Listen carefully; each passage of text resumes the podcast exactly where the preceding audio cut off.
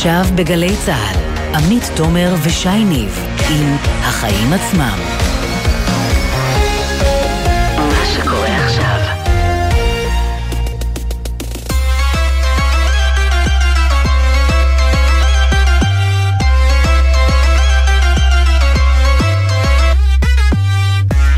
עכשיו שש ושבע דקות, אתם על החיים עצמם, ואחרי שחגגנו את התחממות היחסים עם אה, טורקיה בפגישת אה, הרצוג אה, וארדואן, הגיע הזמן לחזור לחיים עצמם, למה שנוגע לנו, לכיס ולחיים פה ב- בישראל. אז אנחנו מתחילים את התוכנית הכלכלית החברתית של גלי צה"ל. אני עמית תומר, ואיתי באולפן כבכל יום רביעי נמצא שי ניב. מה נשמע שי? בסדר גמור, תשמעי, רגעים אה, היסטוריים ככה סביבנו. לגמרי. אה, ולמרות שזה נראה שאנחנו, אה, תראה, אנחנו צריכים בכל זאת לעבור הלאה, ולמרות שאנחנו אה, עומדים בפני גל אה, עליות של מחירים, שזה די אה, מייאש, מחירי החלב בפיקוח אמורים להתייקר בלפחות חמישה אחוזים, מאחורי הקלעים מתנהל כבר תקופה משא ומתן בין המחלבות והרפתנים והאוצר וכל מי שיכול למנוע את זה, אבל כרגע נראה שהוא תקוע. ליאור שמחה, מנכ"ל איגוד מגדלי הבקר ששותף לדיונים האלו, יהיה איתנו בריאיון ראשון על העניין הזה. וגם הזינוק במחירי החיטה מתחיל להתגלגל לנו לכיס. יצרנית קמח ראשונה, תחנות הקמח כבר הודיעה לרשתות המזון שתקפיץ מיד אחרי פסח את המחירים ב-18%, וכנראה שהיא לא האחרונה, כי היום אוקראינה, ממנה מגיע לכאן הרבה חיטה, הודיעה שתפסיק לייצא אותה. אז אנחנו נדבר עם יושב ראש איגוד יבואני התבואות על מה צפויה להיות ההשפעה של זה עלינו.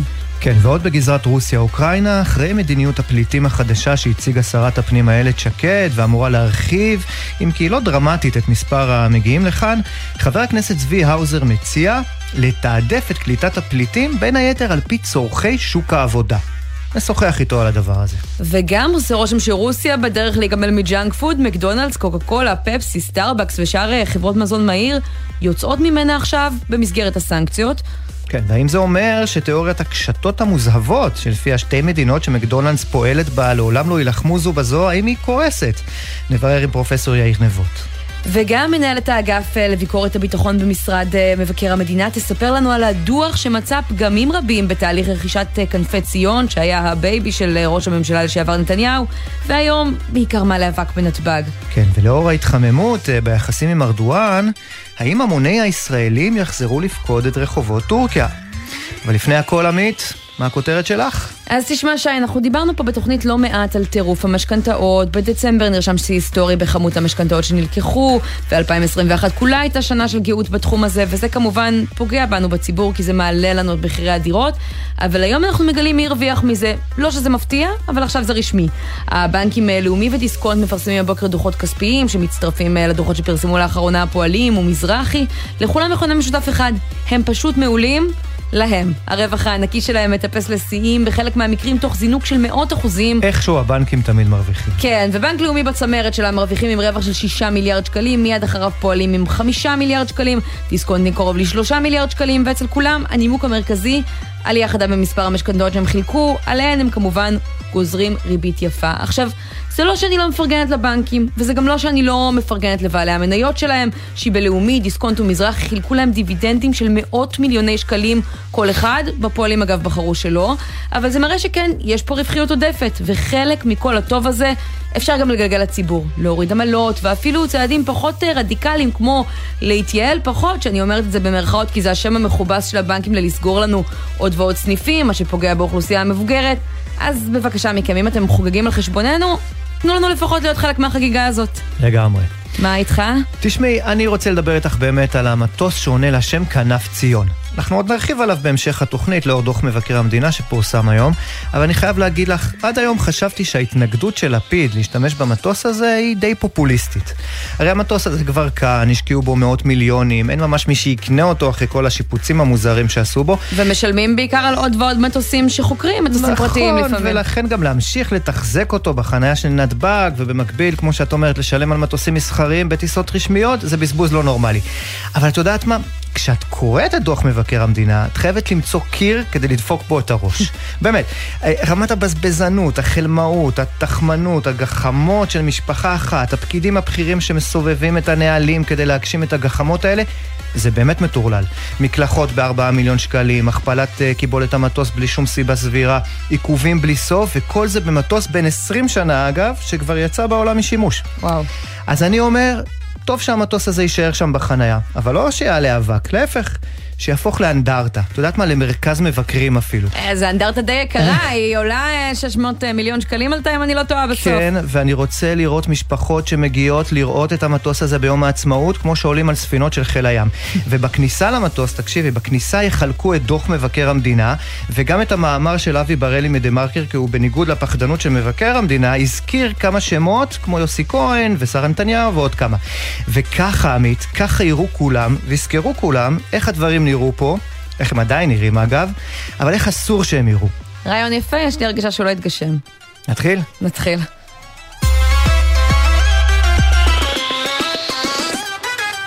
אז אנחנו פותחים עם גל ההתייקרויות, שנראה ששוטף אותנו שוב. תשמע, רק חודש עבר מאז שאוסם, דיפלומט ושסטוביץ' ואיתן רוב החברות שתכננו להעלות מחירים, הודיעו שהם לא יעשו את זה, אבל עכשיו, בחסות רוסיה ואוקראינה, יש טריגר או תירוץ חדש, כל אחד יבחר את המילה העדיפה עליו, להעלות מחירים. ואחרי שאתמול אה, חשפה פה כתבתנו עינב קרנר שתנובה העלתה את מחירי הבשר של המותג אדום אדום, נדמה שההתייקרות הבאה בדרך עלולה להיות אה, מוצרי חלב בפיקוח, הבסיסיים. מתנהלים אה, מגעים כבר תקופה בניסיון שזה לא יקרה, שר האוצר מאוד קיווה למנוע את זה. וזה אגב באמת הבסיס. אתה יודע, דיברנו פה על הרבה מאוד מוצרים בחודש האחרון, זה באמת, זה באמת מוצר צריכה הכי בסיסי שיכול להיות. אי אפשר בלעדי זה. והמחיר של זה עלול לעלות משמעותית בחמישה ואפילו בקרוב לעשרה אחוזים. זה מה שביקשו במחלבת טרה כשהם פנו לוועדת המחירים. בינתיים נדמה שמה שאמור למנוע את זה, שוב, נקלע למבוי סתום. אז אנחנו רוצים לדבר עכשיו בעניין הזה עם אחד השותפים לדיונים הללו, ליאור אה, שמחה, מנכ"ל התאחדות מגדלי הבקר. שלום ליאור. שלום, ערב טוב. ערב טוב. עד עכשיו אה, שמרתם על המגעים הללו להסדר שימנע את התייקרות החלב מאחורי הקלעים. היום אתה בעצם בוחר לשבור שתיקה. קודם כל, למה? נכון, אה, כאמור אנחנו מנהלים אה, בחודשים האחרונים אה, משא ומתן עיקש, יש לומר, אבל בשעות הקטנות במשרדי האוצר, ביחד עם אגף תקציבים, משרד החקלאות, משרד האוצר. המחלבות הגדולות, כולנו בעצם כדי לשלב ידיים ולהיכנס מתחת לאלונקה הזאת שנקראת יוקר המחיה, ושהמטרה היא מטרה ברורה. אה, יש לנו ככה את המחירים, אה, את המחירים של המוצרים המפוקחים, הם אמורים לעלות לפי חוק. אה, בכמה עלו להסדר הזה? כרגע אנחנו לא יודעים בדיוק, אבל זה באזור החמישה אחוז, אולי אפילו טיפה יותר. ועדת mm. המחירים אמורה לפרסם את ההמלצות שלה ממש בימים הקרובים, וכולנו צריכים לשלב ידיים, וכדי לעשות את הכל, כדי שהמוצרים לא, לא יתייקרו. ואתה יכול לספוג את זה? אתה יכול לספוג את הדבר הזה? אז זו שאלה מצוינת, כי זה קשה לכולנו, אבל אנחנו מבינים את האינטרס הציבורי שהוא קודם לאינטרס שלנו. רגע, אז תסביר לנו אולי רק מה אתם הסכמתם אה, לספוג כדי לדאוג שהמחיר לצרכן לא יעלה. מה החלק שלכם בהקרבה הזאת, כמו שאתה קורא לזה? אז כולנו צריכים לספוג, והמשמעות מבחינתנו זה עשרות רבות של מיליוני שקלים, זה בעצם מכל, אה, מכל רפתן אנחנו מורידים את מחיר המטרה, שזה מחיר הבסיס, אה, והמשמעות שזה מצמצם מאוד מאוד את הרווח עד כדי מאפס אותו. אה, והשנה הזאת כנראה רפתני ישראל לא ירוויחו, גם ככה רפתני ישראל מרוויחים מאוד מאוד אה, מעט. למה, ש... למה שהרפתנים יסכימו לא להרוויח? אתה יודע, בסוף אתה מייצג אותם, זה נשמע סביר שאתה תספוג דבר כזה בשמם? אז אתה צודק, אה, אתה צודק במאה אחוז, זה קשה, אבל זו אחריות של כולנו לגלות אה, פה ולהיכנס מתחת לאלונקה ולספוג את, את הדבר הזה. אבל זה לא אנחנו לבד, ובגלל זה לצד השני יש את המחלבות. אגב, יש גם את רשתות המזון בתוך הפיילה הזאת, שאני מאוד מקווה שגם הם ייכנסו בסוף, אה, וכולנו... אין חלק מהדיונים? כרגע לא, אבל אני מקווה שהם יהיו בהמשך, וכולנו חייבים להתגייס ולהוריד או לספוג את, ה, את הדבר הזה כדי שבסופו של דבר אזרחי מדינת ישראל יוכלו ליהנות מחלב טרי ומוצרי... רגע, ליאור, אבל אה, בוא, אה, בוא נחדד. ממה שאני מבינה, מה שאתם אה, הסכמתם לתת, זה להוריד את הבסיס של מחיר המטרה, ככה שעם ההתייקרות במחירי התשומות, המחיר לא אמור לעלות. אבל כל זה היה נכון לפני הסיטואציה עם רוסיה ואוקראינה, שהעלתה את מחירי התשומות עוד יותר. ועכשיו יגידו המחלבות, זה רולטה רוסית, אתם תורידו את הבסיס לגובה מסוים, ידוע מראש, המדינה לא תעלה את המחיר בפיקוח והמחיר יהיה ידוע מראש, ואז אם התשומות יזנקו, זה ייפול עליהם, לא ככה?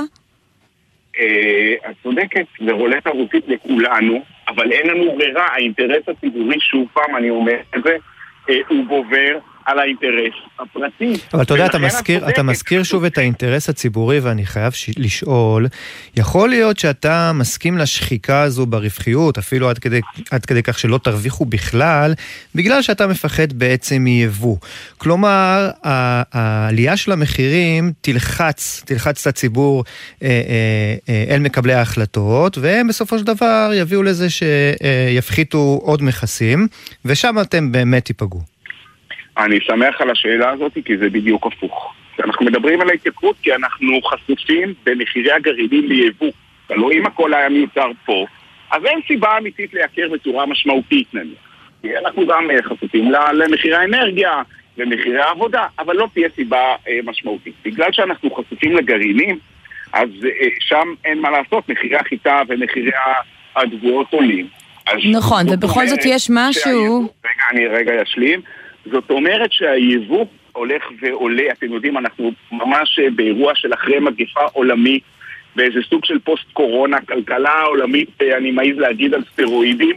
כן, לא, זה ברור ליאור, אבל רק נגיד שבתמורה, בלי קשר לרוסיה ואוקראינה, אתם אמורים לקבל אה, המשך של התחשיב, של מחיר החלב הגולמי כמו שהוא. כלומר, אני מניחה שהתקווה היא שכשהמשבר הזה ואחרים יהיו מאחורינו, אז שוב אתם תרוויחו יותר ממה שאולי הייתם מרוויחים בקונסטלציה אחרת. אז, אז אני לא חושב, אני חושב ש, שמנגנון מחיר המטרה הוא מנגנון קבוע ו, וידוע בחוק. יש שם... מוגבל בזמן כרגע. מורידים את ה... מוגבל בזמן כי, כי זה טכני מוגבל בזמן, אבל מנגנון הוא, הוא מנגנון קבוע, אגב, בכל העולם הוא מנגנון די דומה, ולכן אין פה, זה, אני רגע רוצה להתעכב אבל על, על היבוא. אני חושב שזה הזמן, אנחנו רואים את הפוסט-קורונה, אנחנו רואים את המלחמות העולמיות, זה הזמן לחזק את התוצרת הישראלית. אני חושב ש... ובטח ובטח כשמדובר במזון ובמזון טרי, אנחנו לא רוצים להסתמך על מדינות זרות. כן, אבל דווקא לא עכשיו לא... אומרות אה, גם המחלבה המקור... המקומית, טרה, שקודם כל נגיד היא היחידה אה, כרגע שמתנגדת להסכם, כלומר שטראוס ותנובה, למיטב ידיעתך, הסכימו לקבל אותו על עצמם? נכון. אז... נכון, ב... ואני אני מפה רוצה גם לקרוא לטרה ולהגיד לה, תחזרו לשולחן הדיונים, תחזרו למשא ומתן, אני בטוח שיהיה אפשר בסוף, בסופו של דבר... הם ממש נטשו את המשא ומתן. כן, אני בטוח שבסופו של דבר יהיה אפשר להגיע להסכם מאוזן על ידי כל הצדדים. אה, כדי שלא יהיו עליית מחירים. אז איך אתה מסביר את זה שבטרה, יצרנית מקומית, מאיימים שאם לא תסתדרו ביניכם, הם יפעלו, יתמכו בלפתוח את שוק החלב אה, ליבוא? אני, תראה, אני, אני מניח שזה היה בעידנא דריתחא, ואני מניח שזה סוג של מנגנון, אה, לא יודע להגיד מנגנון סחיטה, אבל זה סוג של מנגנון של מנגנון איום שאין בו ממש. אה, בשוק שוק החלב, שב-75% משוק החלב הוא בכלל אה, לא שכיר, הוא לא ניתן ליבוא, אה, ובטח ובטח אני לא מצפה את זה מתעשיינים, מחברות גדולות שיש להם אחריות לאומית, ובגלל זה אני לא באמת רוצה להתייחס ל... לאיומים האלה, אפילו לא לאיומים המרומזים. אני חושב שאני מכיר הרבה זמן את, את הערב, ואני חושב שיש להם אחריות ויש להם תעשייה מפוארת שנמצאת בנתיבות, אגב, שבעצם כן. עזה. אני רוצה לסיום, ליאור, כי לא- זמננו לא- אה, תכף נגמר, לשאול אותך על עוד אה, נושא אחד, אה, שוק הבשר. גם שם אנחנו כבר רואים חברות שקוראות להעלות מחירים, אפילו מודיעות לסופרים שהם יעשו את זה. בתור עוד כובע שלך, מה אתה אומר על זה? אם דיברנו על השעה להתחשב בציבור, זה לא נכון גם לגבי שוק הבשר? א', אני כן חושב שזה נכון לגבי שוק הבשר, אבל אני חושב שבשוק הבשר, בניגוד לשוק החלב, רוב רובו הגדול מאוד הוא שוק מיובא. ולכן אין ברירה, המחירים המיובאים אה, טסים למעלה, ולכן כנראה שאין ברירה. למען הגילוי הנאות, אני מתעסק בחלב ולא בבשר. ליאור שמחה, מנכ"ל התאחדות מגדלי הבקר, תודה רבה על השיחה הזאת, ונקווה שהדברים אה, יסתדרו בשביל הכיס של כולנו. אני גם מקווה, ואני באמת רוצה לקרוא לכל השחקנים בענף, אה, כולל למדינת ישראל, בואו נסחוב את האלונקה הזאת שנקראת יוקר המחיה ביחד. האחריות היא אחריות משותפת, היא לא רק אחריות שלנו. תודה רבה. טוב, עמית, אז אה, מהתייקרות אה, להתייקרות, כי זה ממש לא נגמר בסיפור הזה של, ה... של מחירי החלב, ואם כבר מדברים על, ה... על מה שקורה באוקראינה וברוסיה, אז גם לזה יש השפעה על המחירים כאן אצלנו. לחלוטין, ובאמת, אם חשבנו שהמצב כבר גרוע, הוא יהפוך להיות עוד יותר גרוע, כי היום אוקראינה, שעשרות אחוזים מהחיטה שמגיעה לישראל מגיעה ממנה, מודיעה היום שהיא יוצרת את הייצוא לגמרי, וזה רק עלול להחריף את עליות מחירי הקמח וכל המוצרים שמיוצרים עמו, עליות מחירים שכבר ממש מתקרבות אלינו על המדף, ואיתנו עכשיו אה, בעניין הזה איתי רון, יושב ראש איגוד יבואני התבואות לישראל. איתי, שלום. שלום רב, ערב טוב. ערב טוב. אז מה, אנחנו כבר אה, רואים אה, חברות קמח שמדברות על העלאות מחירים. נגמרו המאגרים, נגמרו המלאים, אי אפשר יותר? בואו בוא, בוא רק נדייק את מה שאמרת לפני כמה דקות. אה, אוקראינה אומנם הודיעה שהיא מגבילה מאוד את הייצוא, אבל טכנית הנמלים באוקראינה לא פעילים, אז הייצוא כבר לא פעיל כבר כמה, מאז שהתחילה המערכה הזאת אה, שהצבא הרוסי פלש לאוקראינה. ממש ירו עליהם שם, נכון? ממש ירו על אוניות, כך שזה לא באמת... אה, שוב, זה לא, זה לא הגבלה חדשה, זה הגבלה קיימת בפועל מה, ממש מהיום הראשון. מכורח המציאות. מכורח המציאות, כי זה באמת לא משנה, כי אנחנו לא באמת יכולים לקנות היום שום דבר מאוקראינה. עוד דבר שצריך לשים לב, ואנשים אולי מפספסים את זה, שגם רוסיה צפויה להיות באיזושהי בעיה מהעניין של הסנקציות האמריקאיות. אז אני חוזרת אה, ושואלת, כשסוכמים את כל הגורמים האלה, מתי אנחנו uh, צפויים uh, לראות עליות מחירים, והאם אין דרך להביא ממקום אחר איכשהו למנוע או לרכך את ההתייקרות הזאת? בוא, בוא, בוא, בוא שאל שתי שאלות שונות, אז בוא נתחיל בשאלה הראשונה. מתי נראית ההתייקרות? תראי, יש איזשהו מש, פרק זמן שעובר מרגע שהמחיר עולה עד לרגע שאת מרגישה אותו בצלחת, אם תרצי להגיד, או ב... לא משנה, בסופר. כי אה, המחיר שהיום את משלמת על הלחם משקף מחירי רכישה שלפני חודשיים או שלושה. Mm. העליות במחירי התבואות הן לא דבר חדש. יש לנו בצורת בדרום אמריקה כבר כמה חודשים. יש לנו בעיה מאוד קשה במחירי התירס, מחירי הסויה, שזה גם שמנים וגם מקור ברור, וזה רק מחריף את המצב, אבל אני חייבת אה, לשאול אותך, כי אתה אומר... אוקיי. רק אני אדייק את הדברים ואני אומר שה... שאנחנו להערכתי נראה עליות הרבה יותר גדולות בעוד כמה חודשים כשהמחירים הנוכחיים ש, שאותם אנחנו חווים היום יגיעו בסיכומו של דבר לצ, ליצרנים ומשם לצרכנים. מה, יותר גבוהים מעלייה של 20 אה, אחוז, שזה מה שהודיע היום אחת מחברות הקמח כבר אה, לסופרים? הקמח הוא מוצר מפוקח, מדינת ישראל העלתה את המחיר. המחיר שהם לוקחים בחשבון, רק שתבינו, בערך 350 דולר לטון. מחיר, אה, זה נקרא cost and freight, זאת אומרת על, האונייה בפתח הנמל ללא פריקה וכולי. היום המחיר הוא בערך 500. עכשיו תעשי את המתמטיקה שלך, לא אחד לאחד המחירים האלה, זאת אומרת יש, יש עוד רכיבים שלא השתנו, כמו שכר עבודה או ארנונה או דברים כאלה שהם גם כן מרכיבים בחישוב מחירי קמח. אבל אם אתה אומר אבל... מחיר מפוקח, שמענו בדיוק את יצרני החלב, שהמדינה יושבת איתם כבר אה, תקופה, מנסה למנוע את ההתייקרות הזאת בכל מיני אה, דרכים. אתם גם מנהלים מולם איזה שהם אה, מגעים? יש איזה הסדר על הפרק שאולי ירכך לנו חלק מהגזרה?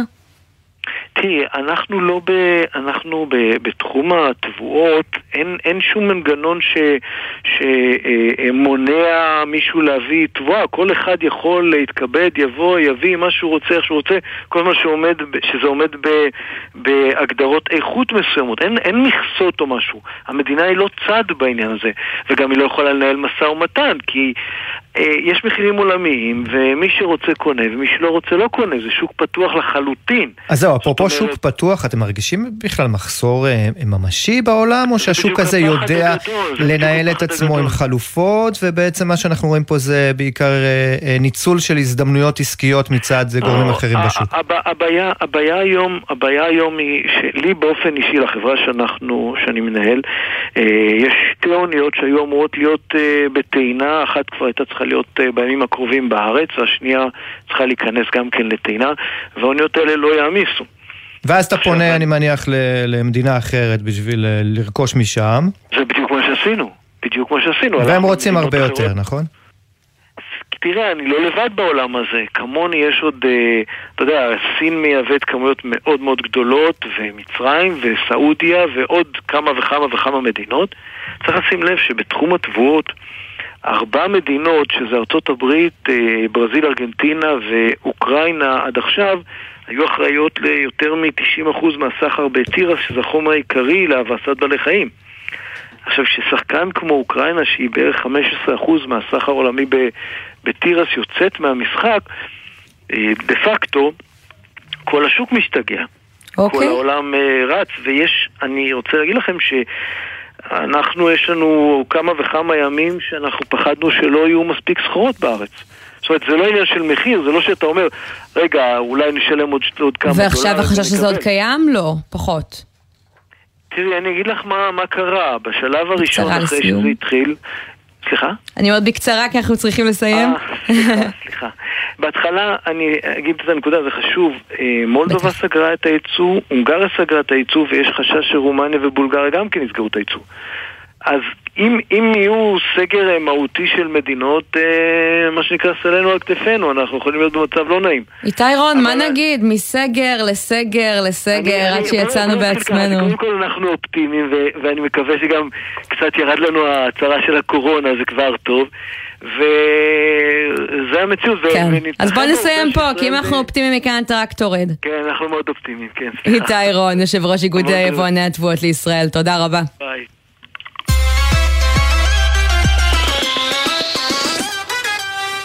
טוב, אה, עמית, ישראל אה, הודיעה שתקלוט פליטים אה, מאוקראינה, לפחות שרת הפנים איילת שקד הציגה איזושהי תוכנית, אבל יש מי שקורא לעשות את זה לפי איזשהו תעדוף מסוים. תכף נסביר. שלום לחבר הכנסת צבי האוזר, תקווה חדשה. שלום, שלום, ערב טוב.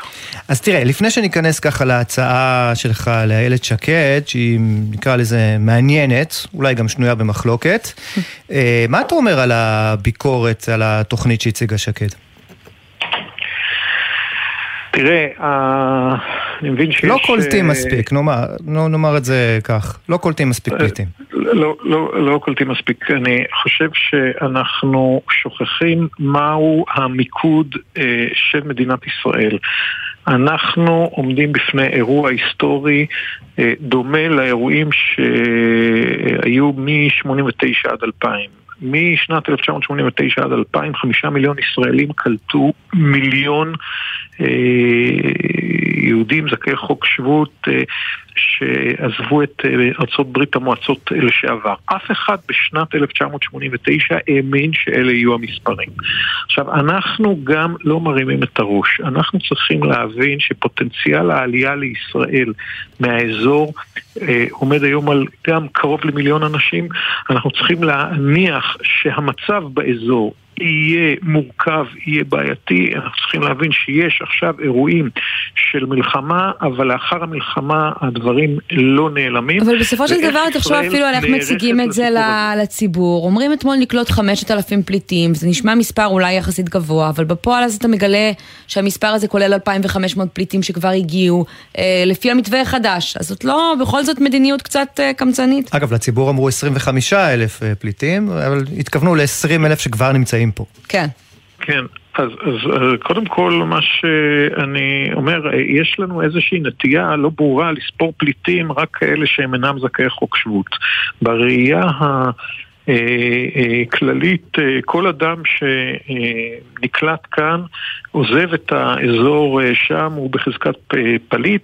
להזכירך, גם יהודים שעזבו את ברית המועצות נחשבו פליטים. אגב, ארצות הברית קבעה שמכיוון שיש להם מדינה, או, או מדינה שקולטת אותם, אז אוקיי. Okay. אכן לשם צריך לקלוט. אבל לעניין השאלה שאתם שואלים, אנחנו צריכים אה, לנהל את האירוע ההומניטרי, יש היום שני מיליון אה, פליטים, אה, התחזיות אומרות שהדברים, שהמספר הרי זה יגדל לעשרה מיליון ואולי יחצה את זה.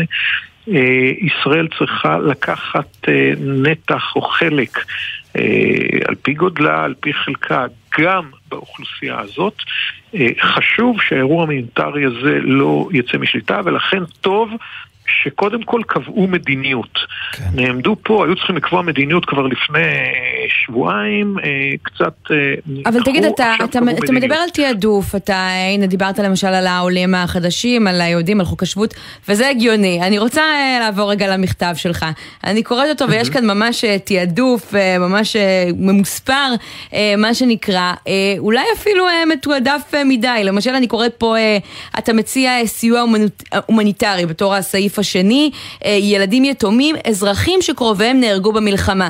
אז מה, מי שהקרובים שלו לא נהרגו במלחמה צריך לשבת שם ולחכות שזה יקרה? לא, אנחנו צריכים להבין, עשרה מיליון פליטים, מה ישראל נוטלת על עצמה. כמו שאמרתי, אנחנו כעם אה, אה, שבמשך אלפיים שנה היה, סבל מנדודים ופליטות, צריכים להבין את העניין ולקחת מה שנקרא מכסה נדיבה, אבל אחרי שקבענו את הדברים, אנחנו צריכים לנהל את זה. אבל אז, אבל אז תראה, אז אתה אומר, אנחנו נקלוט קודם... זה. לא, שאני, עכשיו אני אגיד לך, כשאומרים לנהל את זה, זה לא ככה אמירה בעלמא, אלא מדינה צריכה אה, להפעיל שיקול דעת ולראות אה, מי אה, אלה שכן אה, אה, אה, נכנסים. אה, כאשר, אני אתן לך את הדוגמה הכי בוטה או הכי משמעותית, יש פה ישראלים שיש להם קרובי משפחה מדרגה ראשונה שם, שהם אינם יהודים, אינם זכאי חוק שבות. הם מבחינה זאת שיש כאן משפחה, יש משפחה שתתמוך בהם, יש אה, להם אה, בית ו- ואולי יכולים להתחיל אה, כבר אה, לעבוד או לעשות דברים, הם צריכים להיות בעדיפות. כן, זה אפילו סוג של איחוד משפחות חושב... ויש בזה היגיון, אבל אתה יודע, אתה נכון, מדבר גם על לתעדף אתה... אנשים לא. שעובדים בהייטק, ואחר כך אתה, יש פה רשימה שלמה, אם אני מסתכל על הסעיף הרביעי, אתה אומר טכנאי מיזוג אוויר, ורתכים, לא, לא- ומפעילי CNC. אבל אתה... ואני שואל, אבל רגע, חבר הכנסת האוזר, אני רק פה, אני אשלים את השאלה. אני, אני פשוט שואל את עצמי, אה, איפה מותחים את, הגבול פה? הרי מה השלב הבא? אנחנו נקים קבוצות של דינמיקה קבוצתית בנתב"ג ונעשה להם איזה מין אה, אה, הליך קבלה כזה של... אה, זה, זה לא קצת מוגזם? לא, לא, תראה, אתה צריך להבין כזה דבר. ברגע שמדינה קובעת מכסה, אז uh, רק מי שיש לו אישור ממשרד החוץ, מגורמים ישראלים, uh, עולה למטוס ומגיע לישראל. Uh, בניגוד למצב שהיה עד אתמול, שכל אחד uh, שמגיע וקונה כרטיס, מגיע לישראל, עשרה מיליון פליטים, uh, כאשר אתה לא מנהל את העניין, אתה יכול למצוא את עצמך מהר מאוד מאבד שליטה. מסכימה איתך, אבל אנחנו מדברים על פעולה הומניטרית, וזה נראה קצת... קצת אינטרסנטי, יותר כמו סידור אה, עבודה מאשר לא, כמו מדיניות לא, קליטה של... אה, חלילה, חלילה. אני לא רואה פעולה אינטרסנטית בזה שנותן לקרובי משפחה מדרגה ראשונה. אני רואה פעולה אינטרסנטית שאני נותן סתם ל-first אה, come, first serve ולא לקרובי משפחה. אני רוצה לראות אתכם, אם יש לכם קרוב משפחה שם דרגה ראשונה, לא נותנים לו להיכנס. זה דבר אחד. אני קובע שמקרים הומניטריים... אבל על זה אנחנו מסכימים, שאלנו על הסעיפים שקשורים לשוק העבודה. אז אחרי... לא, ואמרתי, ככל שהמכסה אה, מתרחבת, גם את זה צריך להביא אה, אה, בצורה מושכלת, ואני אגיד לך למה שוק עבודה. אבל, זה, אבל זו כבר מדיניות הגירה, אתה יודע, ועל זה אנחנו נוכל להסכים, אבל כשמדברים על פליטים... לא- הרי אתה יודע, לא, אתה היית. מזכיר הממשלה, בוא, אתה, כשאתה היית מזכיר הממשלה, ומה לעשות, הגיעו לפה פליטים, אולי אז לא קראת להם פליטים, אה, מסודאן ומאריתריאה, אז אה, שם הצעת דווקא להקשיח את המדיניות, כמה שזכור. עמית. זה היה שי, אבל... זה היה שי, עמית. סליחה, שי. כן. סליחה, שי, אני אה, בדיוק על זה מדבר. אני, בניגוד לאחרים, לא חושב שהפליטים שיגיעו לא יגיעו לחודש ולא לשלושה חודשים. כשאני רואה את המצב שם, ולכן אני חושב שצריך לתת אה, עדיפות אה, למי שכבר עובד בתעשיית ההייטק הישראלית או בתעשיות אחרות. יש היום 50 אלף אוקראינים שהם קשורים בטבורם לתוצר הישראלי והתעשייה הישראלית. יש חברות שמכירות אותן, הם מכירים את האנשים, הם יכולים להגיע ומיד להתחיל לעבוד, הם יכולים לסייע כדי לא לשבש את הרצף התפקודי של החברות האלה, חלק מתופעות הלוואי של המלחמה האיומה והנוראה הזאת, וכאשר אנחנו אל מול עשרה מיליון פליטים צריכים לבוא ולהגיד גם אנחנו נוטלים את חלקנו, אנחנו צריכים כן. לעשות את זה, ויש לנו זכות לעשות את זה בצורה מושכלת ובצורה המיטבית ביותר עם אותם אנשים. כאשר בן אדם מגיע, והוא כבר עבד בחברה ישראלית, והיום הוא פליט, mm-hmm. ויש גם מי שמכיר אותו, ויודעים גם שאין לו עבר עברייני, ויודעים גם שהוא יוכל לפרנס את עצמו, אז יש לזה עדיפות. אין ספק שיש לזה גם אה, יתרונות. ואפשר לשבת ברדיו ולהגיד מה, מה, מה, וזה בסוף מי שצריך לקבל החלטות. לא, לא מה, מה, מה, אומרים בסופו של דבר, אתה מדבר פה בשיקולים קרים של סידור אה, עבודה, של היגיון, וזה פחות הומניטרי, מה אני אעשה? אני אומר... לך, לא, no. זה הומניטרי אחד לאחד. אתה פסע מלקרוא לנו חמוצים, חבר הכנסת האוזר. לא, אני רק רוצה להגיד לכם שיש פער עצום בין מי שנאלץ כל בוקר לקום לקבל החלטות שחלקן מורכבות, לבין לשבת על הטריבונה ולהגיד דבר שכולנו מזדהים איתו. כולנו בעד פעולה הומניטרית, כולנו בעד לקלוט ולצמצם את הרוע בעולם. אבל עשרה מיליון פליטים, אתם מסכימים איתי שצריך לנהל את זה? ולנהל את זה זה לא רק אמירה בעלמא, ואכן צריך לשבת על הנייר, לקבוע מדיניות. טוב, בכל זאת יש הבדל, מה נאמר, בין עיתונות אה, לפוליטיקה, כל אחד והתפקיד שלו, חבר הכנסת אה, צבי האוזר מתקווה חדשה. לפעמים זה אירועים קשים, ומנהיגות נבחנת ברגעים קשים, שכמו שאמרתי, מכסה נדיבה, אנחנו עם יהודי שמבין מה זה פליטות. אוקיי. אחרי שקבענו מכסה נדיבה, לנהל את זה כדי לא לאבד אה, באמת שליטה, ובצורה הכי אופטימלית כדי לצמצם נזקים. תודה רבה. חבר הכנסת צבי האוזר, תודה רבה לך. תודה רבה וערב טוב.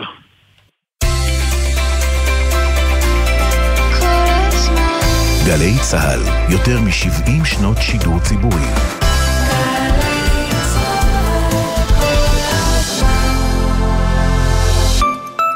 עכשיו תורנו לעשות משהו טוב. הסוכנות היהודית ומרכז השלטון המקומי יוצאים במבצע ארצי של איסוף ציוד למען הפליטים מאוקראינה. תורנו, שלושה עד שלושה עשר במרס, פרטים באתר תורנו.org.il שבוע טעימות לתואר ראשון ושני בסמינר הקיבוצים. לראשונה במכללה. נכנסים לשיעור, מתנסים, ורק אחר כך נרשמים. מ-20 עד 24 במרס. לפחתים, התקשרו כוכבית 8085. סמינר הקיבוצים, המכללה המובילה לחינוך ולאומנויות בישראל. שלום, כאן הפרופסור מימי אייזנשטט, נשיאת האוניברסיטה הפתוחה. אני נרגשת וגאה לבשר על תוכנית דוקטורט חדשה באוניברסיטה הפתוחה, חינוך, בדגש על טכנולוגיות במערכות למידה. תוכנית חדשנית זו מיועדת להכשיר את הדור הבא של חוקרות וחוקרים שיוכלו להשפיע על מערכות הלמידה וההוראה מרחוק ברחבי הארץ. האוניברסיטה הפתוחה מובילים להצלחה. המכללה האקדמית כנרת מזמינה אתכם להשתלב בהייטק של תעשיית המים. תואר שני בינלאומי בהנדסת תעשיות מים. תוכנית המפגישה אתכם עם טכנולוגיות חדשניות ושיטות מחקר מתקדמות. התואר מיועד למהנדסים ולבוגרי מדעים. הענקת התואר מותנית באישור המל"ג. לפרטים חייגו 1-800-2090-20. האקדמית כנרת, הנדסה חברה ורוח. ספרות, היסטוריה, אזרחות, הרצל, לאה גולדברג ואלף בית יהושע. שומרים על מקומם החשוב של המקצועות ההומניים למען האחדות והזהות הישראלית, למען עתיד ילדינו. מגיש ארגון המורים העל-יסודיים. אתם רוצים לדעת מהן הסכנות המאיימות על הדמוקרטיה בישראל ובעולם, וכיצד היא יכולה להתמודד איתן? גלי צה"ל, הוצאת משרד הביטחון והוצאת מודן, בשיתוף המכון הישראלי לדמוקרטיה, גאים להשיק את הספר החדש בסדרת האוניברסיטה המשודרת. דמוקרטיה עכשיו, סוגיות ואתגרים במאה ה-21. ספר חדש בסדרת האוניברסיטה המשודרת, עכשיו בחנויות הספרים. מחר, איתן כבל מארח אנשי חברה ורוח. והפעם, העיתונאי והפובליציסט בן דרור ימיני. לפני הסכמי אוסלו, הייתי בתוניס, פגשתי את יאסר ערפאת. ידעתי שיש לו קשרים מצוינים עם עלי סאלח, שהיה אז נשיא תימן. ואמרתי לו, אולי אתה מסדר לי ביקור בתימן? הוא אמר לי, no problem, no problem, one way ticket. מחר, שמונה בערב, גלי צה"ל. עכשיו בגלי צה"ל, עמית תומר ושייני, עם החיים עצמם. חזרנו ועכשיו אנחנו uh, עדיין עם המתיחות בין uh, רוסיה לאוקראינה ועם הסנקציות. Uh, זה התחיל מדברים שנראו יותר סימבוליים, אבל עכשיו יותר ויותר חברות שמשפיעות על הרגלי הצריכה ובעיקר על הרגלי האכילה של רוסיה, פשוט יוצאות ממנה, מחרימות את המדינה, ביניהם מקדונלדס, קוקה קולה, סטארבקס ועוד. אז קודם כל איתנו כתבת חדשות החוץ מיכל גלנץ, שלום מיכל. שלום עמית, שלום שי. אז בואי תעשי לנו קצת סדר. כן, אז אחרי הרבה הרבה הרבה מאוד לחץ, החליטו אולי מי שבעינינו הם הסמלים האמריקאים לא פחות מהבית הלבן, להחרים את רוסיה.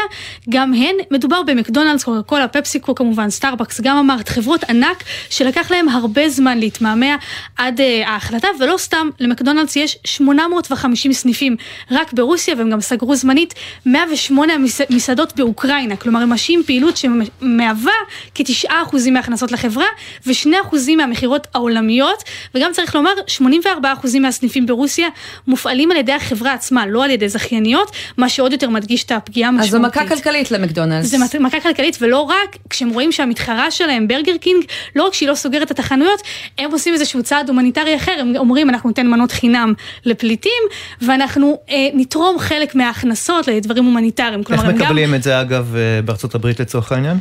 שוב, סליחה?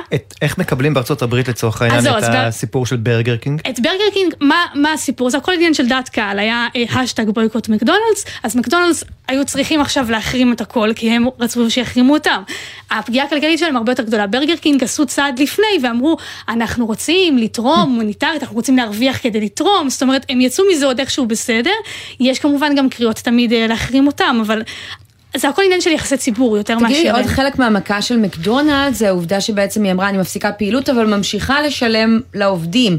עד כמה הדבר הזה נפוץ? יש עוד חברות שעושות את זה? יש, גם סטארבקס למשל עושה את זה. Mm-hmm.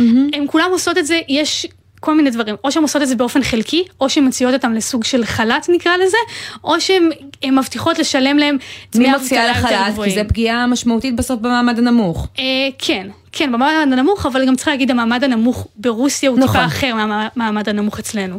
אבל uh, חוץ מזה, גם צריך להגיד שכל זה, שוב, הוא בעיקר הדעת קהל, נגיד קוקה קולה, אמרה שמדובר בשני אחוזים מההכנסות התפעוליות שלה, ולמרות זה הם בכל זאת היו צריכים להחרים, כי גם פפסיקו החרימו, הם לא יכולים uh, לעשות איפה ואיפה. מיכל, תודה, ובוא נצרף עכשיו לשיחה הזאת את uh, יאיר נבות, עיתונאי ופרשן לענייני רוסיה, לשעבר כתב כל ישראל וידיעות אחרונות במוסקבה, שלום לך. שלום, ערב טוב. אז יש כאן איזה פרדוקס, לא? מדברים הרבה על תיאוריית הקשתות הזהובות, לפיה שתי מדינות עם האם הזאת של מקדונלדס לא יכולות להילחם אחת בשנייה. הנה אנחנו רואים את זה קורה, או שאולי לא אם מקדונלדס מפסיקה להיות שם ברגע שיש מלחמה. כן, ראינו את זה גם קורה במקומות אחרים אה, בעבר. אני מזכיר את מלחמת לבנון השנייה כמובן, ישראל אה, אה נלחמה כמובן במלחמת לבנון השנייה עם לבנון, שגם בה יש מקדונלדס. אז לא הייתי ממהר לייחס לתיאוריה הזאת, את יודעת, משמעות נרחבת מדי. מה שאנחנו כן רואים, וזה די מדהים לראות את זה, זה זו המהירות שבה הדברים הללו, המגמה הזאת פוגעת בכלכלה הרוסית. צריך אה, לזכור שמעבר ליציאה של אותן חברות או הפסקת הפעילות העסקית ברוסיה, ואנחנו מדברים על קרוב ל-300 חברות, הרבה מהן חברות ותאגידים מאוד גדולים, וההקפאה או ההפסקה של הפעילות גורמת נזק אולי לאותן חברות באופן שולי, אבל לרוסיה עצמה היא גורמת נזק הרבה יותר גדול. משום שקודם כל יש את אה, סוגיית אה, העובדים.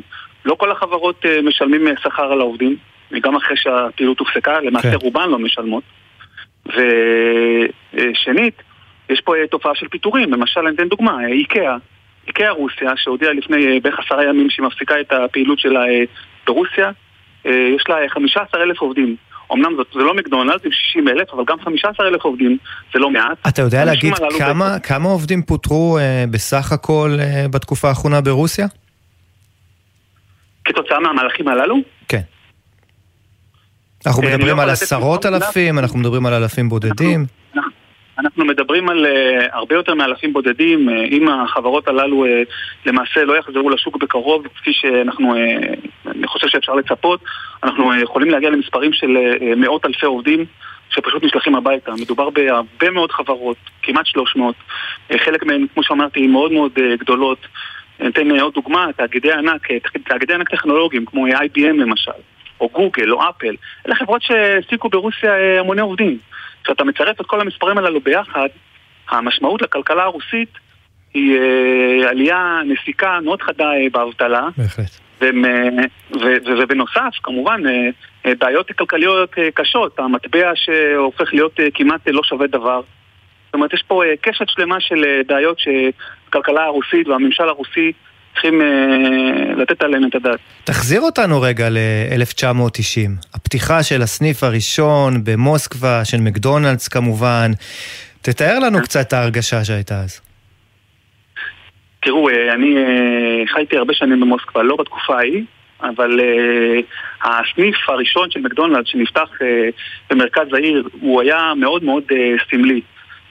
התמונות מאז וגם הסרטונים מראים תור עצום של אה, תור של קילומטרים, של 30 אלף איש שמחכים אה, כמו שכתבתי גם אה, בעיתון על העניין הזה, פשוט לגעת בגביע הקדוש, לנגוס בקציצה, סמל הקפיטליזם, ואז זה היה מין עניין מאוד מאוד סימבולי, משום שזה בעצם סימל את הקריסה של מסך הברזל ואת ההתחלה של ההצטרפות של רוסיה, אז עדיין ברית המועצות, כי זה קרה עדיין לפני ההתפרקות של ברית המועצות, שלהי ימיה של ברית המועצות, זה בעצם אה, סימל את ההתחלה של החיבור אה, בין אה, ברית המועצות ולאחריה רוסיה לבין המערב באמצעות קשרים כלכליים, מסחריים, ומקדונלדס בגלל הסמליות הגדולה והעובדה שזה תאגיד כל כך מוכר ומפורסם, שיחקה תפקיד מאוד מאוד חשוב, והסניף הזה הוא כנראה הסניף אולי הכי מפורסם של מקדונלדס אה, בעולם. הוא, אני, אני בעצמי אה, יצא לי לבקר בו אה,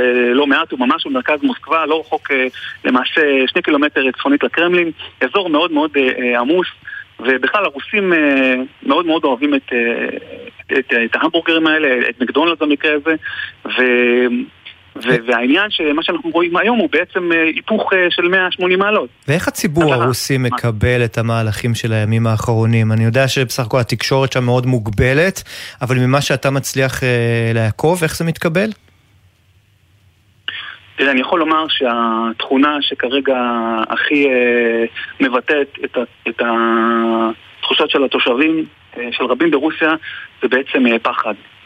פחד לא בהכרח פחד מהשלטון, רק, אלא פחד מהלא נודע, פחד מחוסר ודאות, פחד מזה שחוזרים לימים שהם כבר היו בטוחים שלא יחזרו יותר.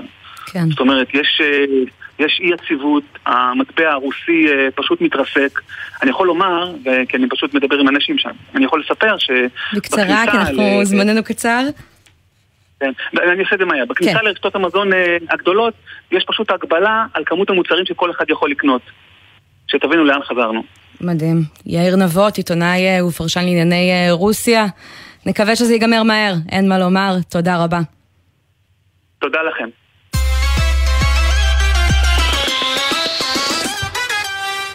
כן, ואנחנו אה, מכאן לדוח מבקר המדינה על מה שנקרא כנף ציון, המטוס הרשמי שאמור היה ככה לטוס אולי גם היום אה, אה, לטורקיה, ובמקום זה אנחנו רואים אה, שוב אה, מטוס שישראל צריכה לחקור.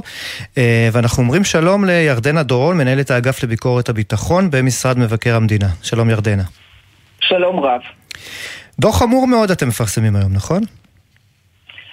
אנחנו מפרסמים אה, דוח שהעלה ליקויים בעבודת המטה שנעשו בתהליכי קבלת החלטות החל משנת 2010 ועד אישור הפרויקט וזה נוגע בנוגע להערכת עלויות, לקביעה של מאפיינים של הפרויקט, לדרישות מרכזיות בפרויקט של אפיון דרישות ביטחוניות, למעורבות והתיאום בין הגופים המעורבים, על השינויים שנעשו בפרויקט.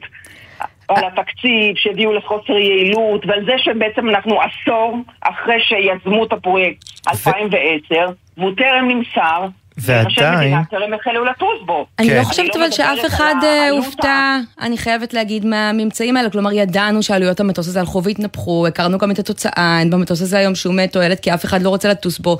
אבל הייתי מצפה לקרוא בדוח כזה קצת יותר, מי הוביל אותנו למצב הזה? בתוך משרד ראש הממשלה, בקבינט, בצמרת ההנהגה, וזה קצת לא היה שם. אנחנו אה, תיארנו בדיוק את כל הגופים שהיו מעורבים בתהליכי קבלת החלטות. כלומר, משרד ראש הממשלה, המועצה לביטחון לאומי, אבל מי? מי האנשים שם? זה אנחנו... אנחנו... תראה, אה, המדיניות של המבקר היא לא להזכיר שמות, כי אנחנו לא חושבים שזה נכון לקבוע בעל תפקיד אחד שהוא אחראי לממצאים. כי גופי המדינה בכללותם הם אלה שאחראים על תיקון הליקויים הממצאים, ולכן אנחנו מזכירים את הגופים כגופים, ולא שמות של אנשים פרטניים. אבל אולי כשאין שמות, אז גם אין מי שלוקח אחריות, לא? לא, הגופים עצמם יודעים מה התפקיד שלהם, כל אחד יודע מה תחום הסמכות שלו, מה תחום האחריות שלו, וכל אחד יודע מה הם הליקויים שלו, מה, מה נעשה על פי ההוראות, על פי הדין, ומה לא. אם את צריכה לסמן לנו ב... אני לא חושבת שעניין של אזכור כן. שמות של אה, בעלי תפקיד מסוימים הוא זה שיעזור אחר כך לתיקון הליקויים. תראי, אם את צריכה לסמן לנו ככה במרקר לצורך העניין את הסעיף או את הפרק החמור ביותר בדוח, מהו לדעתך?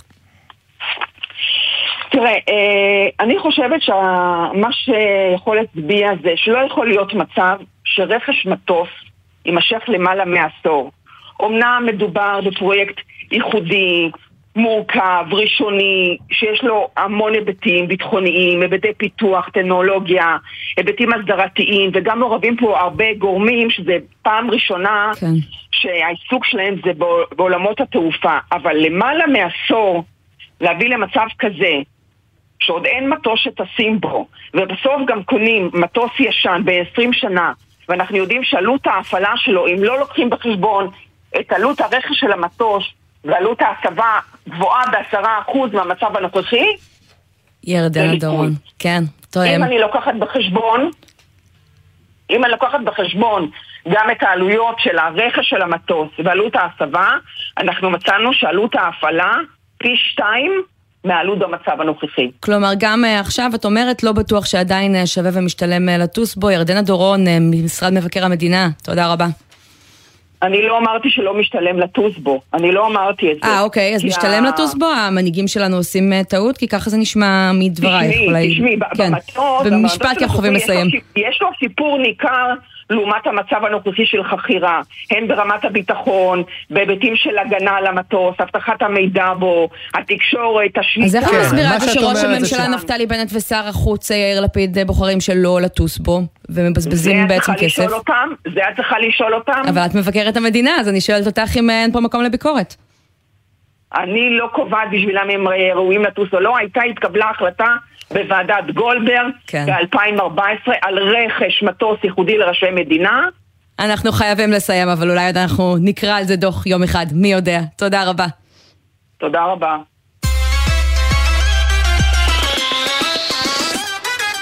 ולסיום אה, נקפוץ אה, לטורקיה, בזמן שהיחסים אה, מתחממים שם, יש כבר מי שחושב איך לעשות מזה כסף, וגם לתת לנו לצאת לחופשות. זה יעד שהיה פחות פופולרי בשנים האחרונות, עדיין נסעו אליו, אבל בגלל האזהרות פחות ממה שהיינו רגילים. האם עכשיו המגמה הזאת תתהפך? איתנו שירלי כהן אורקבי, סמנכ"לית אשת טורס, שלום. שלום, ערב טוב. ערב טוב. אז מה? אה, יש כבר איזה שהם אה, עלייה בביקושים, בטלפונים, אה, ככה לקראת חג הפסח ובכלל, על טיסות לטורקיה?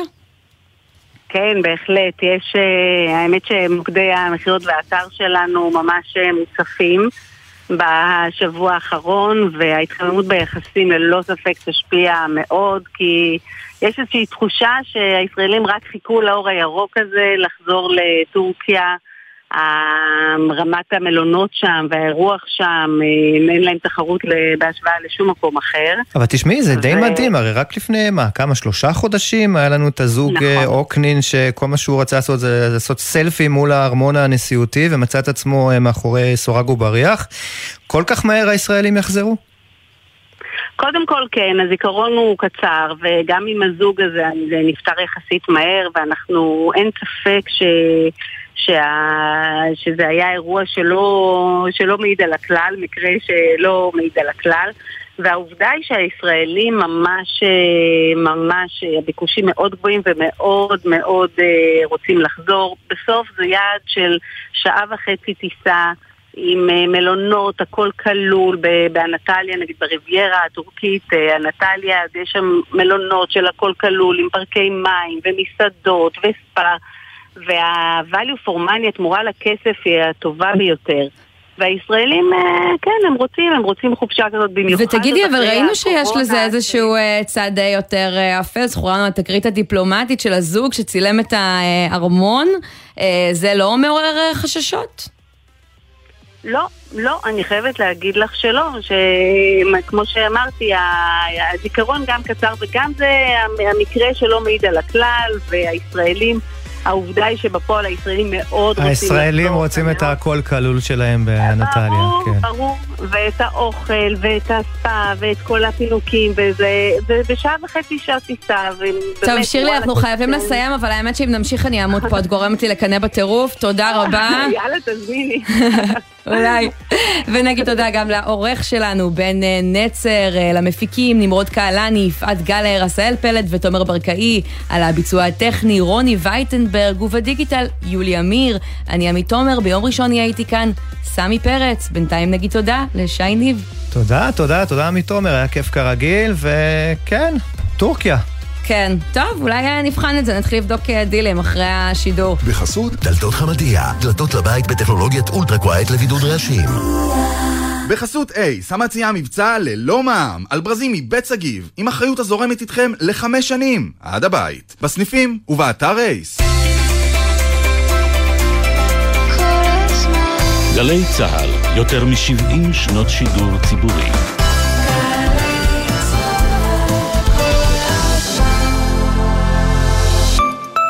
עמיתי מועדון חבר, מותגי הרכב של לובינסקי, פז'ור, סיטרואן, אופל ו-MG בהטבות מיוחדות בשבילכם עד שמונה באפריל, לפרטים כוכבית 4989 או באתר מועדון חבר. זה הכל בשבילך, יוצאים לטיול? לבדוק מה מזג האוויר? זה א' ב'. מתכננים לעבור דירה? לבדוק מידע על סביבת המגורים? זה א' ב'. כן, נתונים הם א' ב' לפני כל החלטה. הלשכה המרכזית לסטטיסטיקה אוספת נתונים כדי שכולנו נוכל לקבל החלטות שמובילות לשיפור איכות החיים. נבחרתם להשתתף בסקרי הלמ"ס? מצוין. זה יעזור לתכנן ולשפר את העתיד של כולנו. תודה על שיתוף הפעולה. היום חל מפנה בתולדותיו של העם היהודי ובתולדותיה של התנועה הציונית, שכמוהו לא ידענו במשך 46 שנים. השבוע אנו מציינים 30 שנה לפטירת מנחם בגין. אנו מזמינים אתכם להיזכר בדרכו וללמוד ממורשתו במגוון פעילויות ואירועים לאורך השנה. השבוע, הסיורים במוזיאון בגין בכניסה חופשית בתיאום מראש. מרכז מורשת מנחם בגין, הדרך שלו, המסע שלנו. פרטים באתר מרכז בגין או בפייסבוק. חבריי הוותיקים, יש לי מילה אחת בשבילכם, עוד. בגילנו אנחנו צריכים לתת לעצמנו עוד, גם בכביש. להשקיע עוד קצת ולחצות אך ורק במעבר חצייה, גם אם הוא קצת רחוק וקשה ללכת אליו. לא להתפרץ לכביש, לסמן לנהג שאנחנו רוצים לעבור ולהסתכל לו עוד רגע בעיניים כדי לוודא שראה אותנו. כ-50% מהולכי הרגל הנהרגים בתאונות דרכים הם אזרחים ותיקים. תנו להם עוד קצת זמן. אלה החיים שלהם. הרלב"ד, מחויבים לאנשים שבדרך. יום הזיכרון לחללי מערכות ישראל שמקום קבורתם לא נודע. הדוקטור אלעזר בן לולו בתוכנית מיוחדת על הזיכרון, ההיעדר והחיים באי הוודאות. מחר, שתיים בצהריים, גלי צה"ל. מיד אחרי החדשות, יניר קוזין.